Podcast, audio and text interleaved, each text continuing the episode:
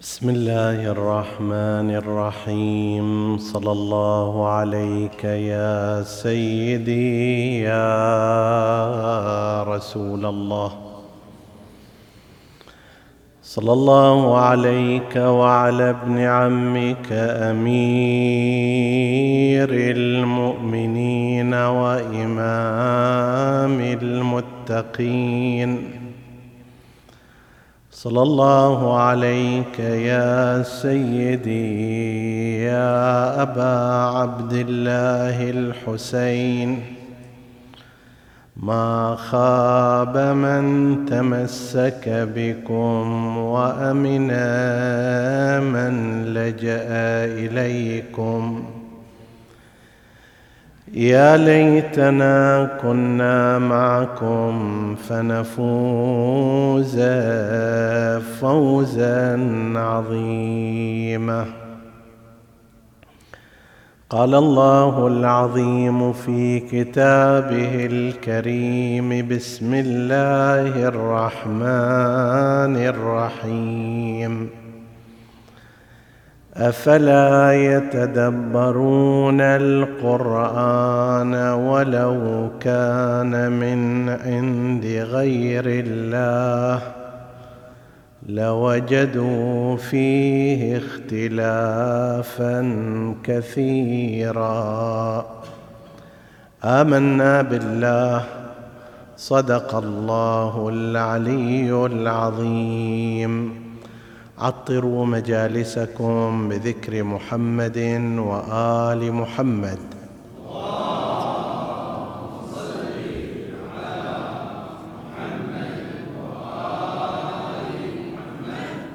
الله صل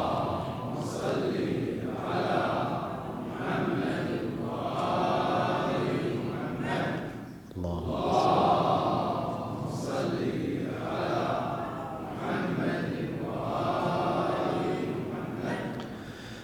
حديثنا بإذن الله تعالى سيكون حول موضوع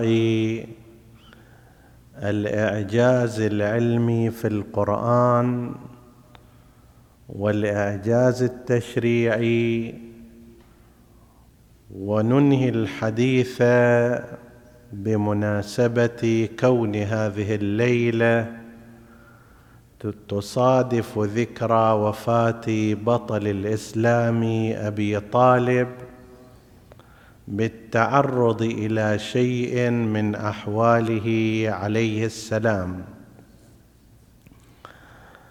فيما سبق ذكرنا أن مناحي الإعجاز في القرآن الكريم ليست محصورة في اللفظ ولا في خصوص الأحكام والتشريعات وإنما القرآن الكريم ككتاب الكون العظيم الذي خلقه الله عز وجل ما إن تفتح خزينة ما إن تفتح خزينة من خزائنه حتى ينفتح لك أبواب كثيرة وعلوم متجددة. على سبيل المثال فإن القرآن الكريم لم يأتي للكشف عن نظريات في العلوم الطبيعية ولا ليخبر الناس عن حقائق علمية في الفضاء والفلك وطبقات الأرض. هذا ليس شأن القرآن الكريم. القرآن الكريم إنما جاء لكي يهدي للتي هي أقوم كما وصف دوره. نعم يشجع الإنسان على البحث العلمي وعلى اكتشاف واكتناه آثار عظمة الله في الكون. ويأمره بالسير في الأنفس وآفاق الأرض واكتشاف ما أودع الله عز وجل في هذه الطبيعة من أسرار وزوده أيضا بالقدرات على ذلك. أعطاه عقلا قادرا على الاكتشاف. والاستنتاج واعطاه وزوده بأدوات تعينه على الاكتشاف. لكن الغرض الأقصى للقرآن الكريم ليس بأن يكشف عن هذه النظرية العلمية أو يشير إلى تلك الحقيقة العلمية. مع ذلك فإن القرآن الكريم إن صح التعبير عفوا وفي طريق الاسترسال في ذكر حقائق أخرى كشف للإنسان علوما وقضايا في زمان نزول القرآن لم تكن تخطر على بال العلماء في ذلك الوقت. وبعضها لم يكتشف ولم يبرهن عليه إلا في وقت متأخر.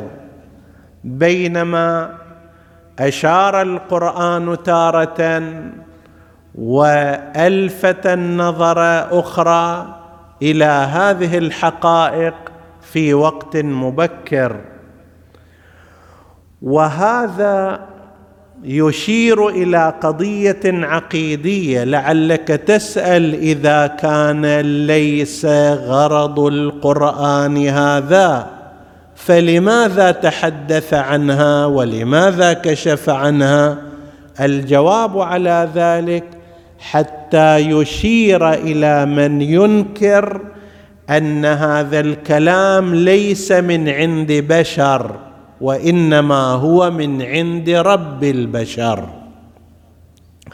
هذا العلم ليس من عند خلق الله وإنما هو من خالق الخلق. هذه الألفاظ لم تكن صياغة أحد من الناس. وإنما هي كلام الله عز وجل. الغرض من كشف هذه الأمور أو أحد الاغراض هو غرض عقيدي وهو تثبيت وحيانية القرآن الكريم أنه من الوحي من الله عز وجل ليس من أحد اكتتبها فهي تملى عليه بكرة وأصيلا. وليس أيضا من انفعالات نبي من الأنبياء كما ذهب إليه بعض المعاصرين. وللأسف بعضهم من المصنفين على الإسلام. يقول لك مثلا هذه الكلمات هذه الألفاظ هي عبارة عن انفعالات رسول الله مع الأحداث فهو يصوغها. القرآن الكريم يريد أن يقول هذه الحقائق هذه العلوم هذه القضايا ليست في مستوى علم البشر وإنما هي من قبل خالق الكون الذي أنزل القرآن. فهناك اذا متحدث واحد هو الخالق لهذا الكون وهو الواضع لأسسه. فوجد العلماء في القرآن الكريم إشارات إلى حقائق علمية منهم من كان غير مسلم كصاحب كتاب التوراة والإنجيل والقرآن والعصر الحديث. هذا عالم غربي لم يكن مسلما.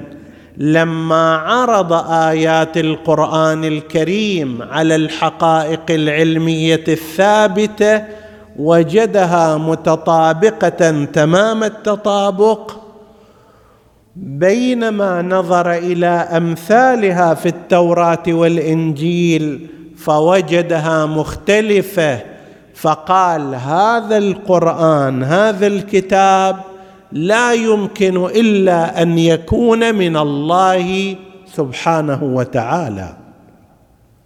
بينما سائر الكتب حيث أنها تدخلت فيها أيادي البشر آنئذ يحتمل فيها مخالفة العلم وعدم الاتفاق معه.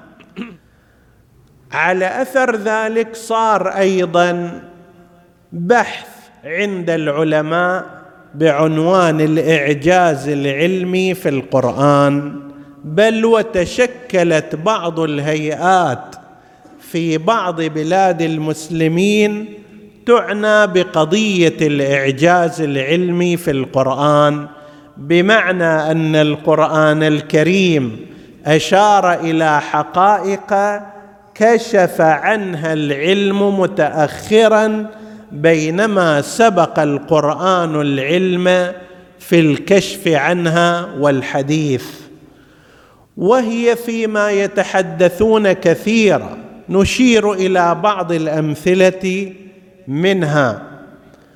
يتحدثون مثلا عن أن دور الجبال بالنسبة إلى الأرض هو بمثابة المثبت الحافظ للتوازن للأرض. ولو فرضنا أزيلت الجبال من الأرض لا يبقى توازن الأرض كما هو الحال الآن.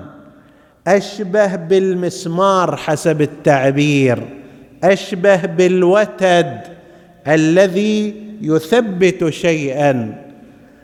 علماء الجيولوجيا عندما يتحدثون عن هذا يشيرون إلى أن القرآن الكريم ذكر الجبال فقال والجبال أوتادا.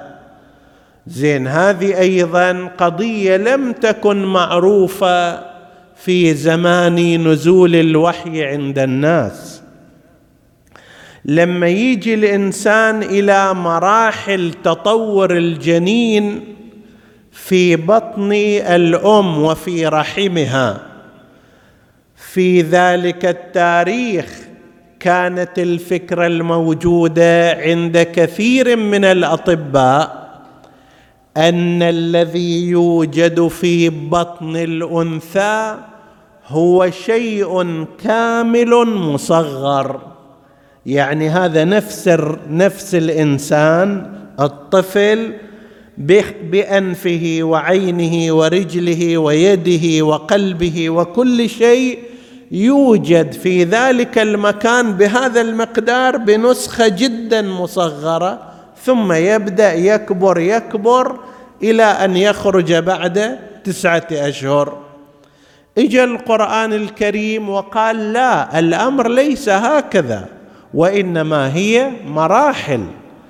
يبدأ الإنسان في صورة نطفة ثم يكون مضغه علقه ثم بعد ذلك تتكون فيه العظام ثم بعد ذلك العظام تكتسي لحما ثم المرحلة الأساسية والمهم ثم تنفخ فيه الروح ويتكامل في سيره إلى هذا صار صار الآن إنسان ثم يخرج من بطن أمه.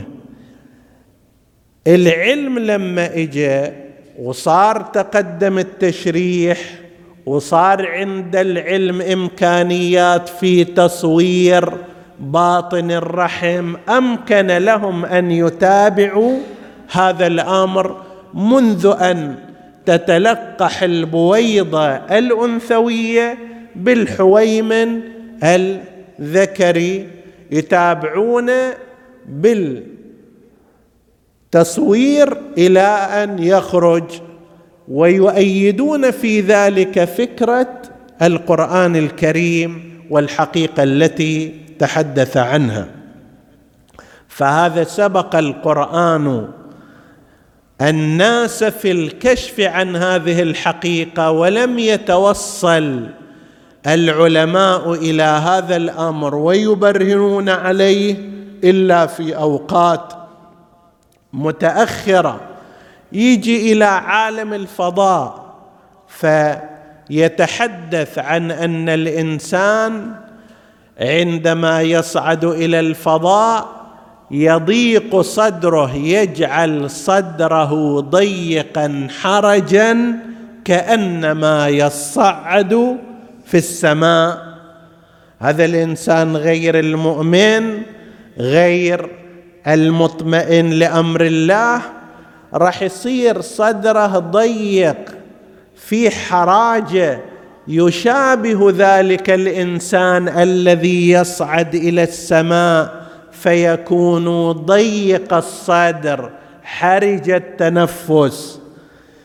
فيما بعد اجى العلماء وقالوا نعم هناك مشكلة عند صعود الإنسان إلى طبقات الجو إن اختلاف الضغط الجوي في طبقات الجو عنه على الأرض يجعل صدر الإنسان ضيقا وغير قادر على التنفس يحتاج إليه إلى أدوات ووسائل في التنفس اصطناعية ما يقدر يتنفس الحالة الطبيعية.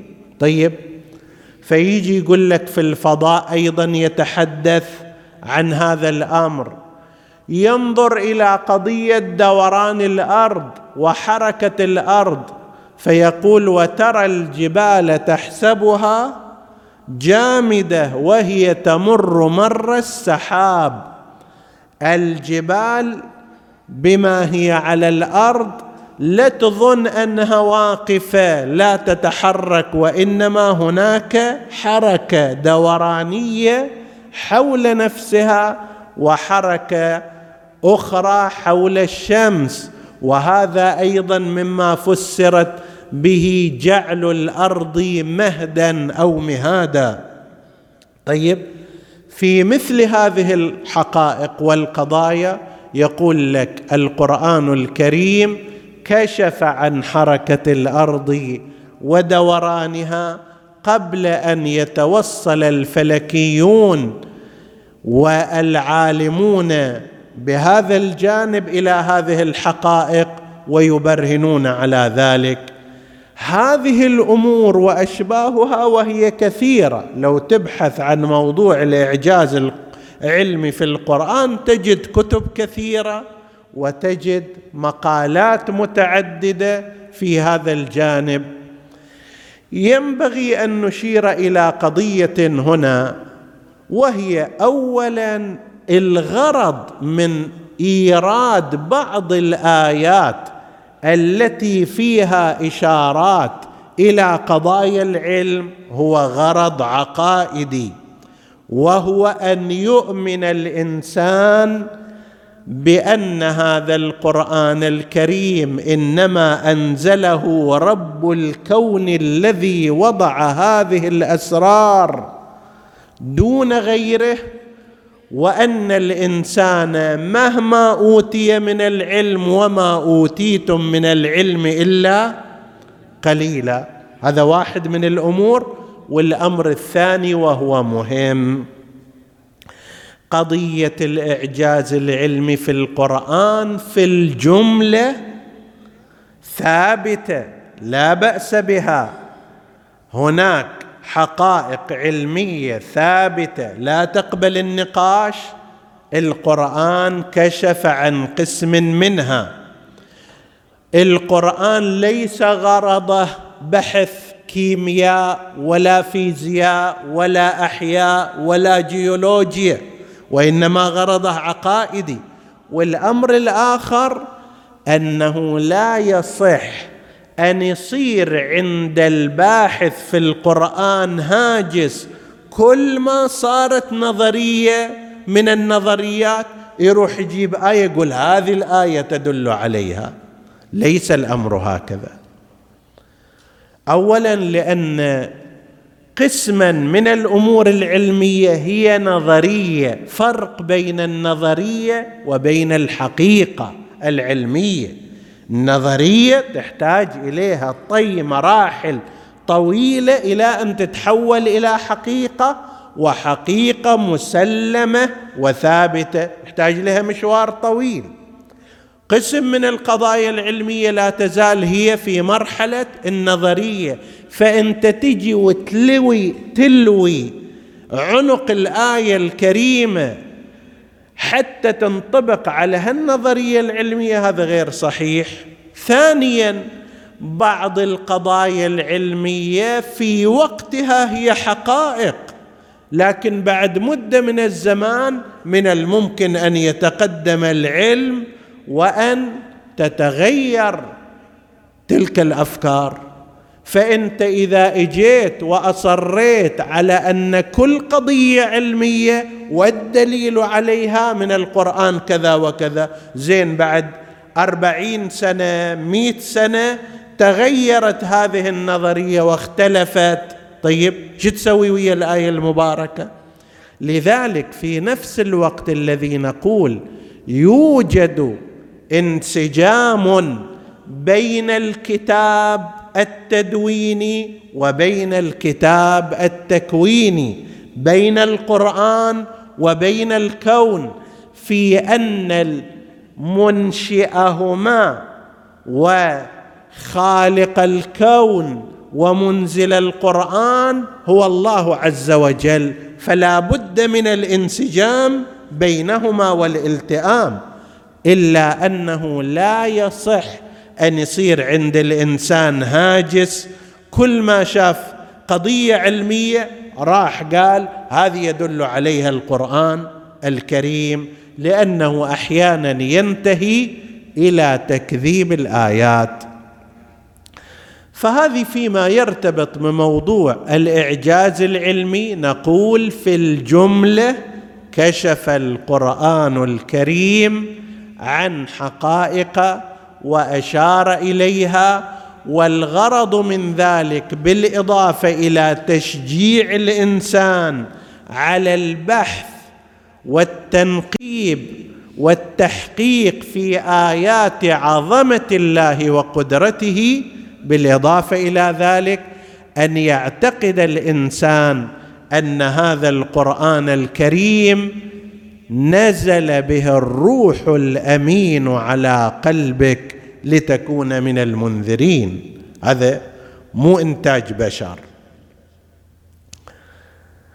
من آيات الإعجاز في القرآن الكريم هذا الانسجام في البيان طيلة مدة البعثة النبوية. وهذا أمر ينفي إمكانية كونه من بشر.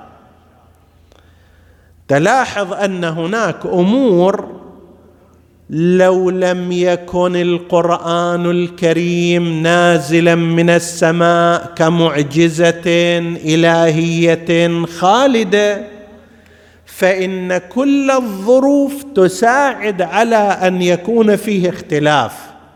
لذلك القرآن الكريم يقول ولو كان من عند غير الله لوجدوا فيه اختلافا كثيرا لكنه لا يوجد فيه اختلاف لا كثير ولا قليل فاذا هو من عند الله عز وجل. لو لم يكن من الله لكان كل الظروف تساعد على الاختلاف. اولا طول المدة 23 سنة. الإنسان الع... مهما أوتي من الفصاحة والبلاغة في 23 سنة سيختلف طريقة حديثه من أول 23 إلى آخر 23 غير المعصوم هذا الأمر بالنسبة له واضح جدا. أنت تجد العالم الفلاني في أول سنة ينتج نظرية بعد خمس سنوات يغيرها يصححها يطورها. فكيف إذا كان بعد عشرين سنة؟ فاولا طول المدة. ثانيا اختلاف حالات الإنسان في هذه المدة. تلاحظ الإنسان يمر بفرح وحزن ورضا. وغضب ويأس وأمل وغير ذلك وهذه كلها تؤثر على كلامه. أنت الآن غاضب تتكلم بطريقة راضي تتكلم بطريقة أخرى. عندك أمل في شيء مستبشر تتكلم بما يتناسب معه. يائس محبط تتكلم بطريقة أخرى وهكذا. ولهذا نقول لبعض من ذكر من وللأسف بعضهم من المسلمين ممن قال مثلا أن القرآن هو عبارة عن انفعالات شعورية من النبي عبر عنها قل له زين هاي الانفعالات الشعورية أيضا كشفت عن نظريات في الفضاء كشفت عن نظريات في البحار كشفت عن حقائق في خلق الإنسان كشفت عن حقائق في طبقات الأرض كشفت كشفت. هم نفس الحالة المشاعرية هالشكل. طيب هذه الحالة المشاعرية في الحرب وفي السلم نفس الشيء في الرضا والغضب نفس الشيء في السرور والحزن نفس الشيء في الهزيمة والنصر نفس الشيء أو أنها كلها على مستوى واحد. أضف إلى ذلك اختلاف المواضيع وكثرتها. كثرة المواضيع التي تطرق إليها القرآن الكريم. لو كان من عند غير الله لوجد في هذه المواضيع الاختلاف. تحدث القرآن عن صفات الله عما في السماوات عن الملائكة عن الشياطين عن الأنبياء عن قصص الأقوام البائدة عن الأخلاق عن العقائد عن الأحكام. تحدث القرآن الكريم عن صفات الجنة عن صفات النار عن مشاهد ذلك العالم وتحدث عن غير ذلك من الأمور. يكفيك أنت إذا تريد تشوف عدد المواضيع اللي تحدث عنها القرآن أسهل شيء طالع بس عناوين السور. 114 عنوان من عناوين السور. على الأقل تشير إلى أن القرآن تحدث عن جانب من الجوانب. في النساء تكلم في بعضها عن النساء غير سائر المواضيع. في البقرة تكلم عن قصة البقرة وبني إسرائيل في آل عمران عن آل عمران وعلى هذا المعدل.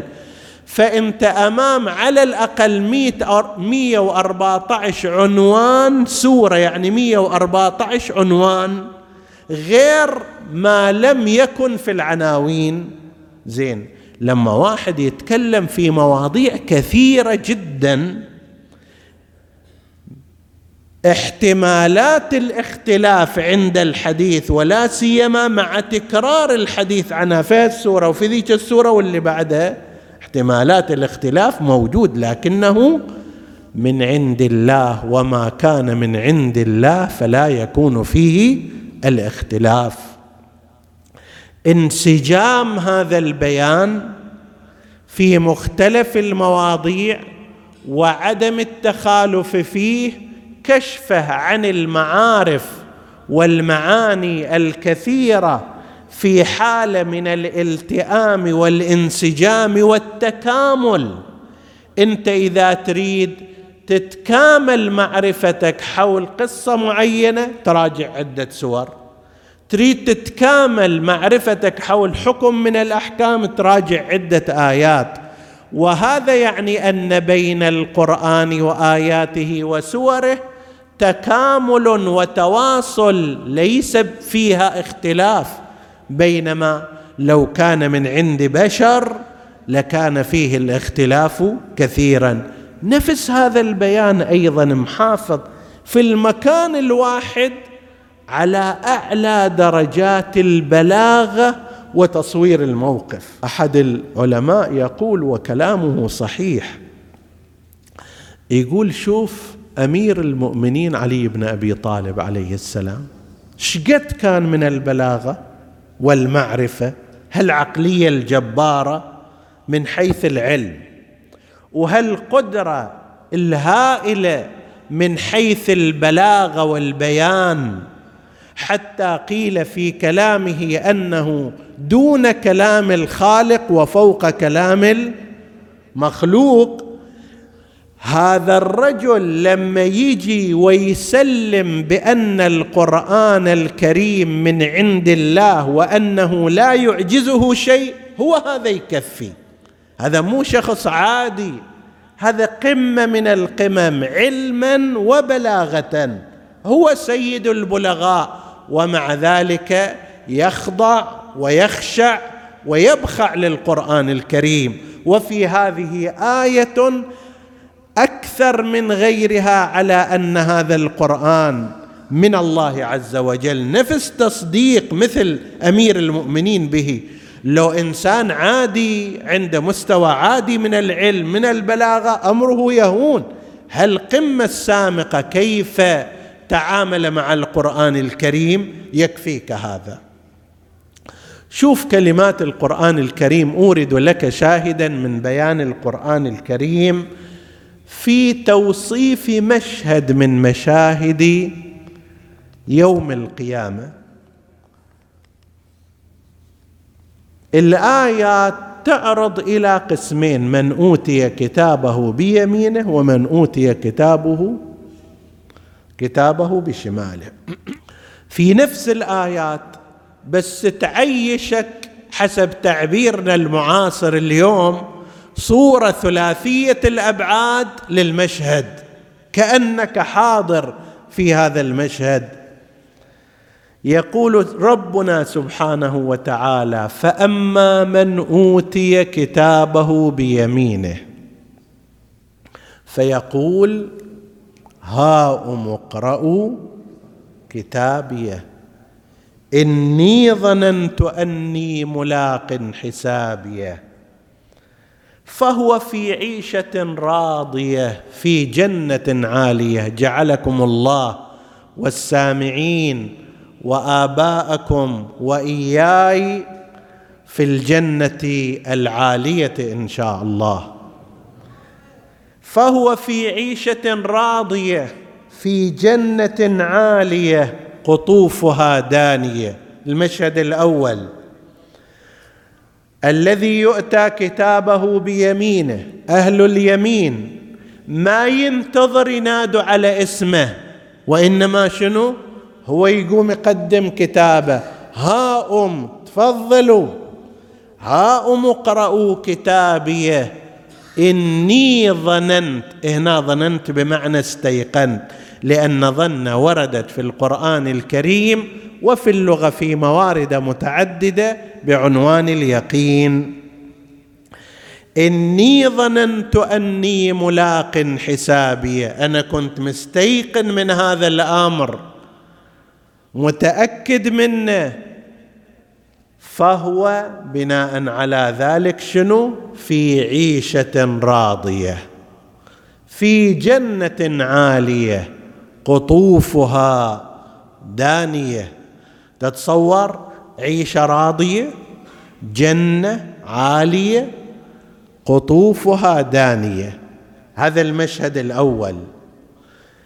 كلمات هادئة خفيفة عادة آية من كلمتين من ثلاث كلمات بشكل متسلسل تأتي.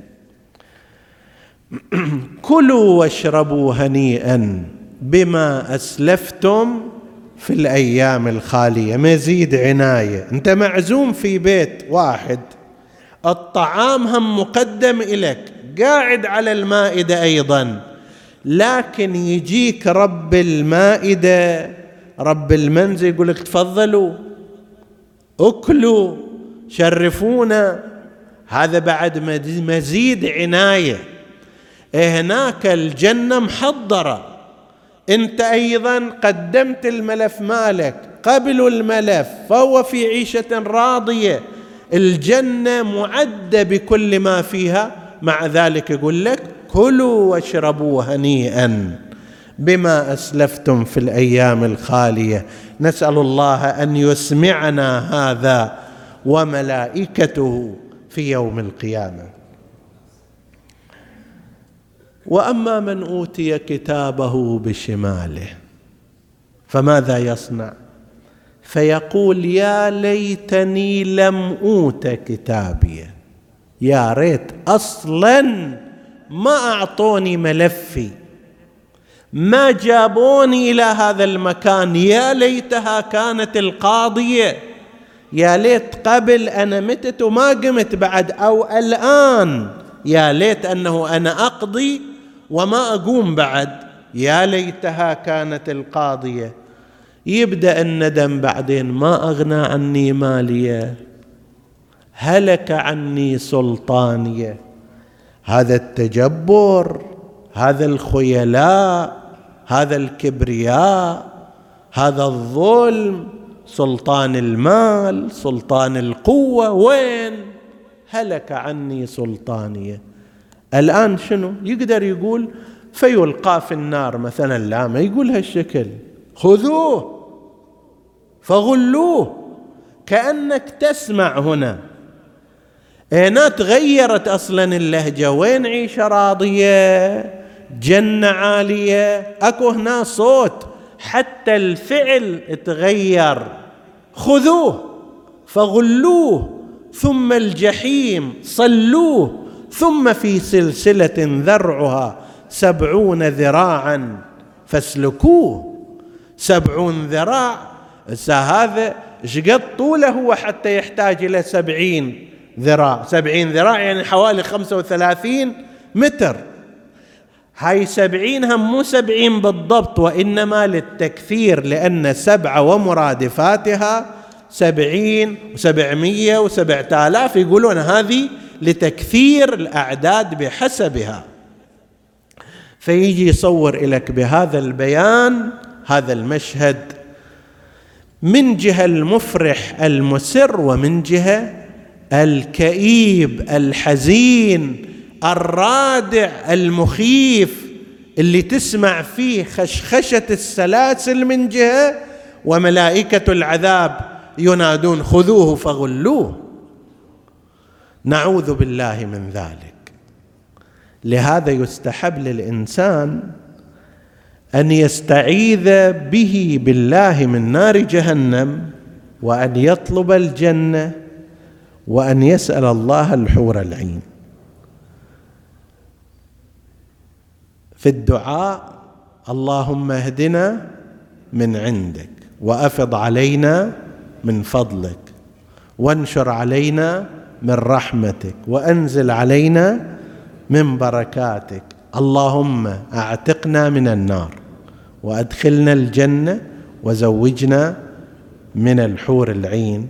في كتاب الخصال للشيخ الصدوق يقول أسمع ما خلق الله ثلاثة وفي رواية أخرى أربعة. هسه إحنا نجيب رواية الثلاثة. النار والجنة والحور.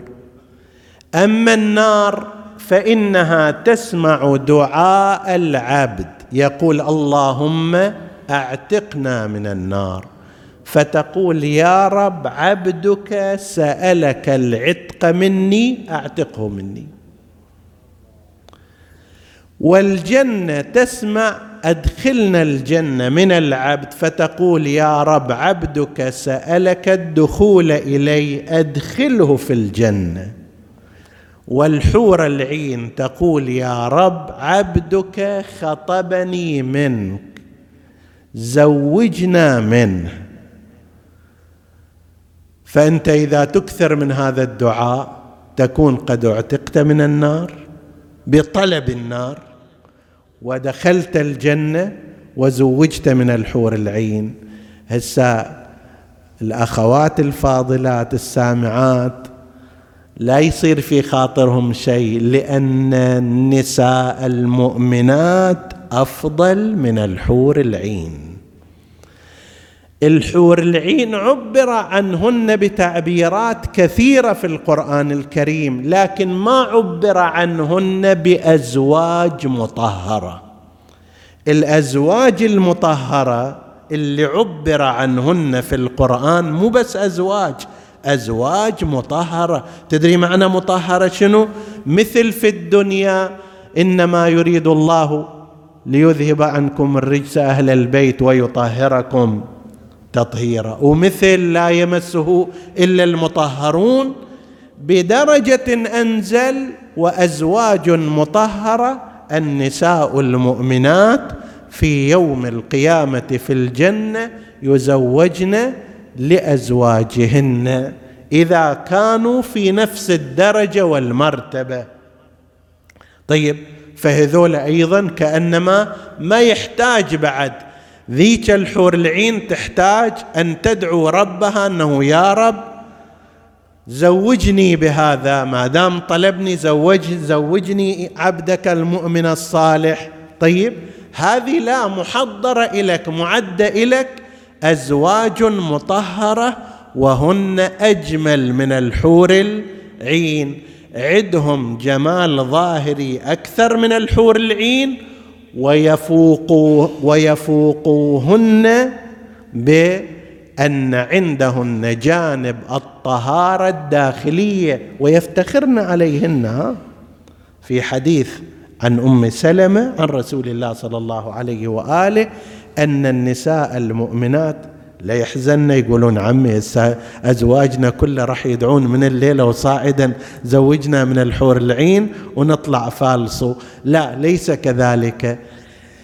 الأم سلمة فيما ورد في الخبر سألت النبي صلى الله عليه وآله فأخبرها أن المرأة المسلمة تفتخر على الحور العين تقول نحن الصائمات وما صمتن. أنتم الحور العين ما صمتوا في حياتكم. إحنا الصائمات. أنا فلانة من عمري تسع سنين إذا الرجال من خمسة عشر أنا من تسع سنين كملت بديت أصوم. إلى عمري مثلا سبعين سنة ثمانين سنة. كم سنة أنا صايمة؟ ستين سنة سبعين سنة. مو شيء قليل هذا من الطاعة. نحن الصائمات. وما صمتن. ونحن المصليات وما صليتن ونحن المنفقات وما أنفقتن فيفضلن عليهن. هذا جهة الطهارة مالت مالت أزواج مطهرة والنساء المؤمنات أن داخلهم منير بهذه العبادات بهذه الأعمال الصالحة بنور القرآن الكريم ذولاك الحور العين لم يعشن في هذه الدنيا حتى يكلفن ويقمن بهذه الأعمال. نسأل الله سبحانه وتعالى أن يجعلنا ويكتبنا من أهل الجنة جميعا رجالا نساء كبارا صغارا من هو حاضر من يسمع ببركة الصلاة على محمد وآل محمد.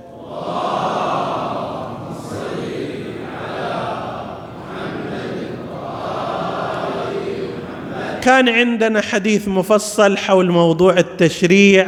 يبدو ما راح يتسع له الوقت بس إشارات أنا أشير إليه.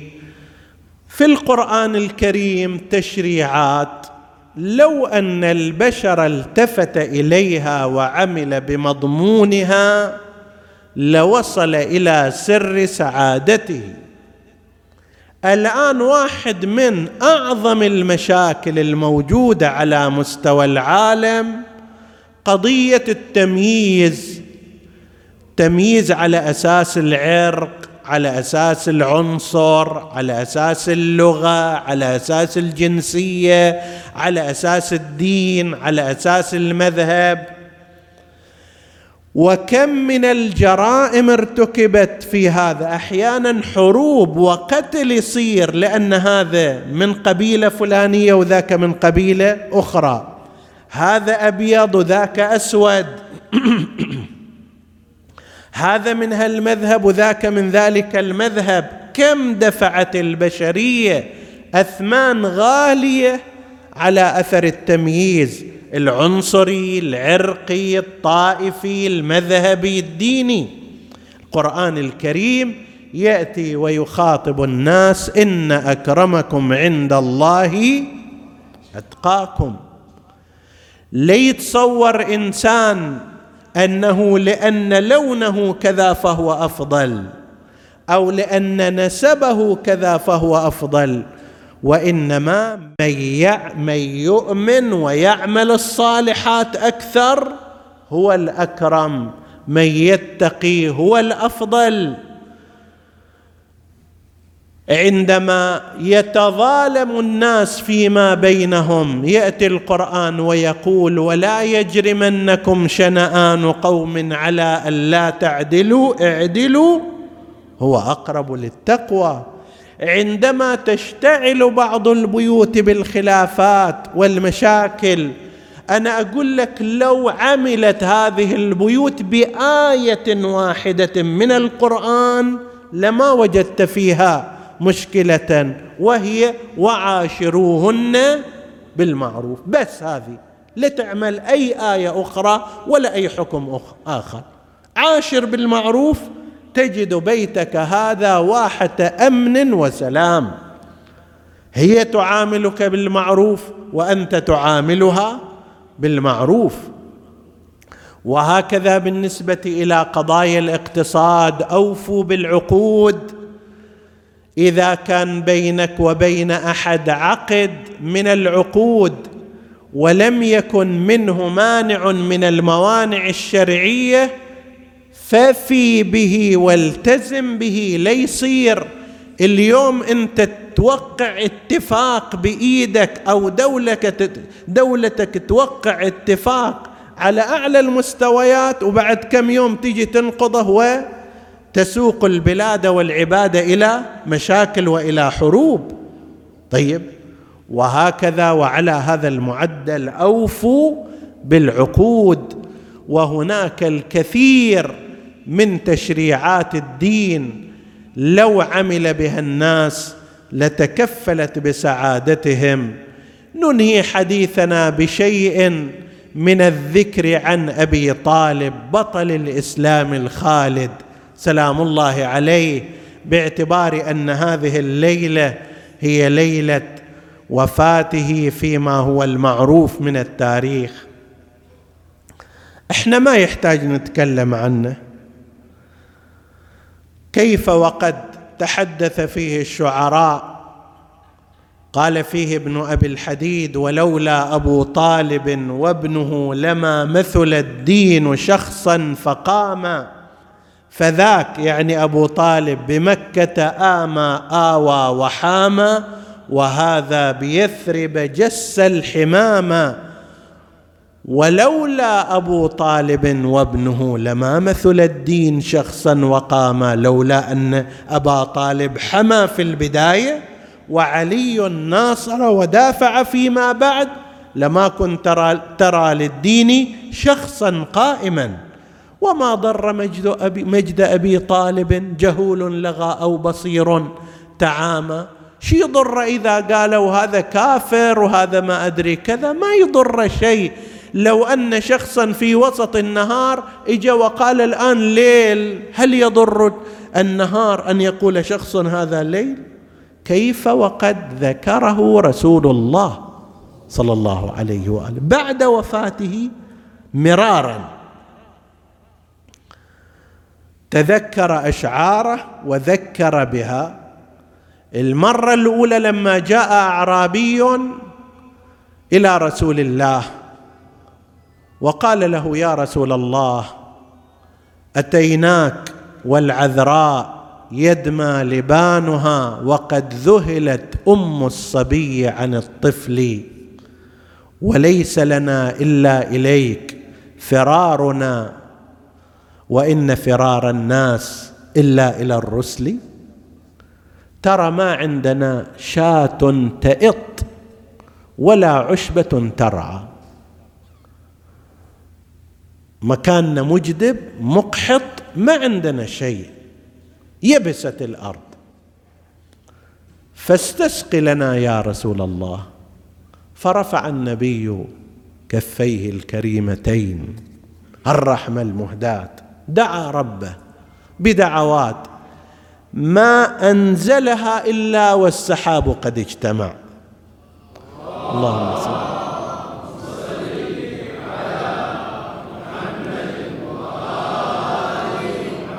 وبدأ المطر يهطل وتعاظم المطر وتفاحش حتى قالوا يا رسول الله غرق الناس غرق الناس. فتبسم النبي وقال اللهم حوالينا ولا علينا. لله در أبي طالب من يحفظ شعره؟ لله در أبي طالب. هذا كلام النبي. ينقله منه بعد بعض المؤرخين الأمويين ابن كثير في البداية والنهاية. طيب وهذا يعني فيها فد معنى خاص. لله در أبي طالب.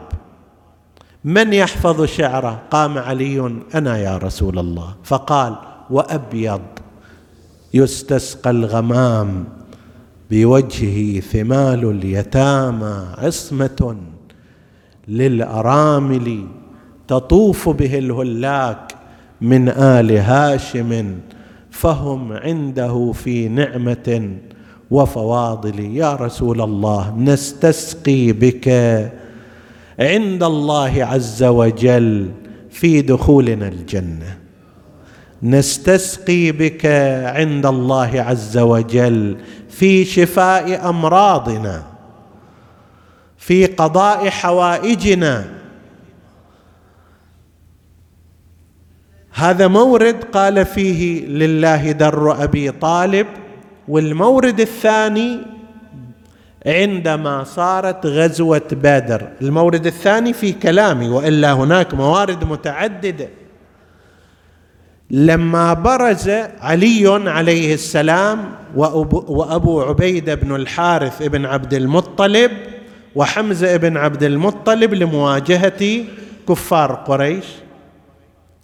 أبو عبيده بن الحارث ضربه عتبة ابن ربيعة على فخذه فقطعها نزف دم شالوه إلى خلف الجبهة حسب التعبير إلى خيمة النبي صلى الله عليه وآله ظل ينزف فقال النبي صلى الله عليه وآله لو كان أبو طالب حيا لقرت عينه.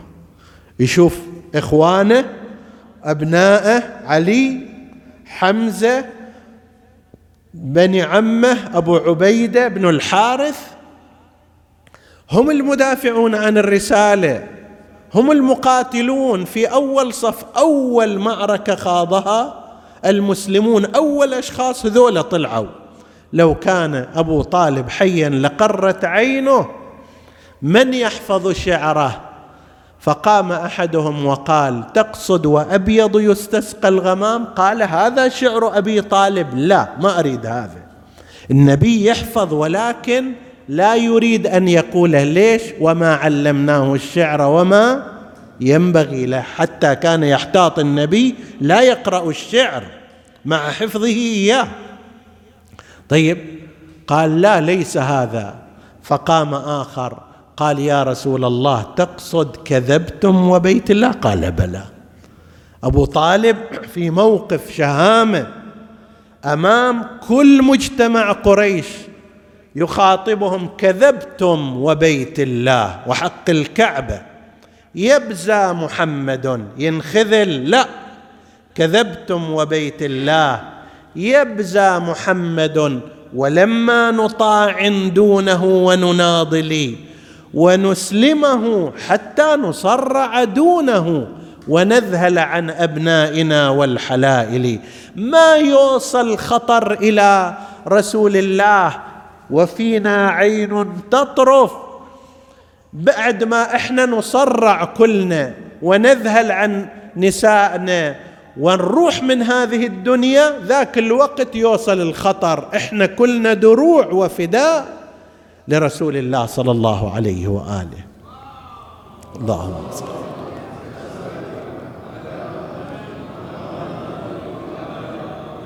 يقول قرت عين ابن أبي طالب قرت عين أبي طالب لو كان شاهد هذا الموقف لكان يجد تصديق لكلامي.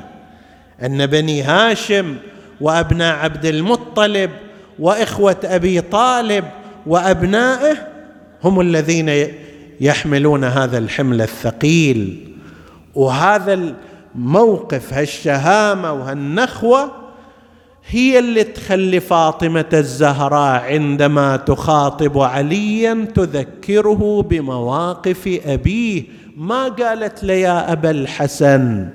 وما قالت له يا علي؟ قالت يا ابن أبي طالب اشتملت شملة الجنين وقعدت حجرة الظنين. لما منعت إرثها وغصبت نحلتها وردت من المسجد جاءت بأبي وأمي خرجت كاظمة وعدت راغمة تخاطب أمير المؤمنين يا ابن أبي طالب اشتملت شملة الجنين وقعدت حجرة الظنين هذا ابن أبي فلان يبتزني نحلة أبي وبلغة ابني ويلاي في كل شارق ويلاي في كل غارب. مات العمد راح رسول الله ووهن العضد شكواي إلى ربي وعدواي إلى أبي. أنا صرت مظلومة ومهضومة.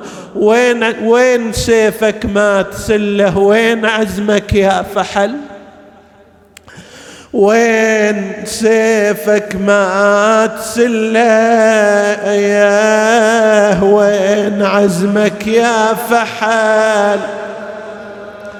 وين صلاتك على العدوان يا خير العمل؟ آه يا حبل الله المتين شلون قادو؟ بحبيل الجذب والنوصاح بس يا بتول من العتاب. هذا سيفي وعزمي هذا سيفي وساعدي وعزمي يا بت خير الورى. لو لرخصة كان شفتي هلا وغاد مطشرة. ولا أسمعك تندبيني والطلوع. ولا سمعك تندبيني والضلوع مكسرة. هاج عزمي يا بتولة وبالقلب شب التهاب. أنا تدرين بيا ما تريد عزمي جنود مجندة. وهذا سيفي بس أسلة المنايا بحدة لكن بقيد الوصية هالزنود مقيدة. بالصبر وصى علي المصطفى عالي الجناب. وما برحت مهضومة ذات علة. تؤرقها البلوى وظالمها مغفي إلى أن قضت مكسورة الضلع. نسألك اللهم وندعوك باسمك العظيم الأعظم الأعز الأجل الأكرم. يا الله